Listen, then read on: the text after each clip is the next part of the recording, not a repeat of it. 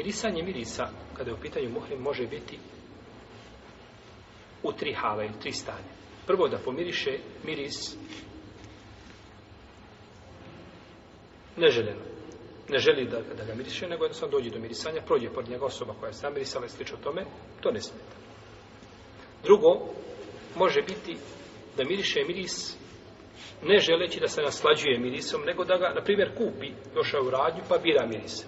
Pa mu onaj prodavac, znači, pokaziva jedan po jedan miris i on miriše. Ni to nema nikakve smetnje.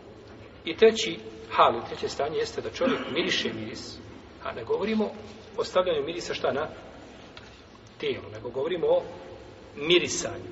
Je u redu? Jasna je razlika, tako. Znači, treće je da čovjek miriše želeći da time naslađuje se, voli taj miris, pa ga miriše.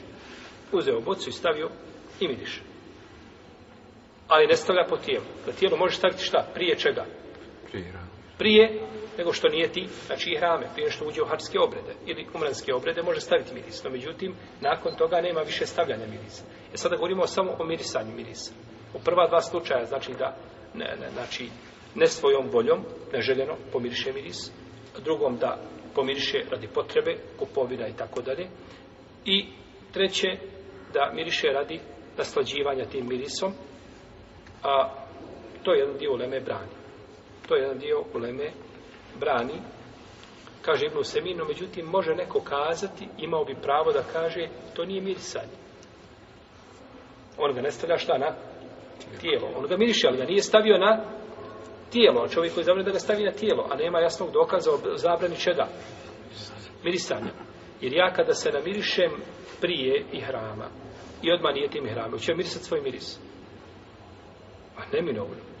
A neminovno da mirišeš miris onaj koji stavio na svoje tijelo u redu.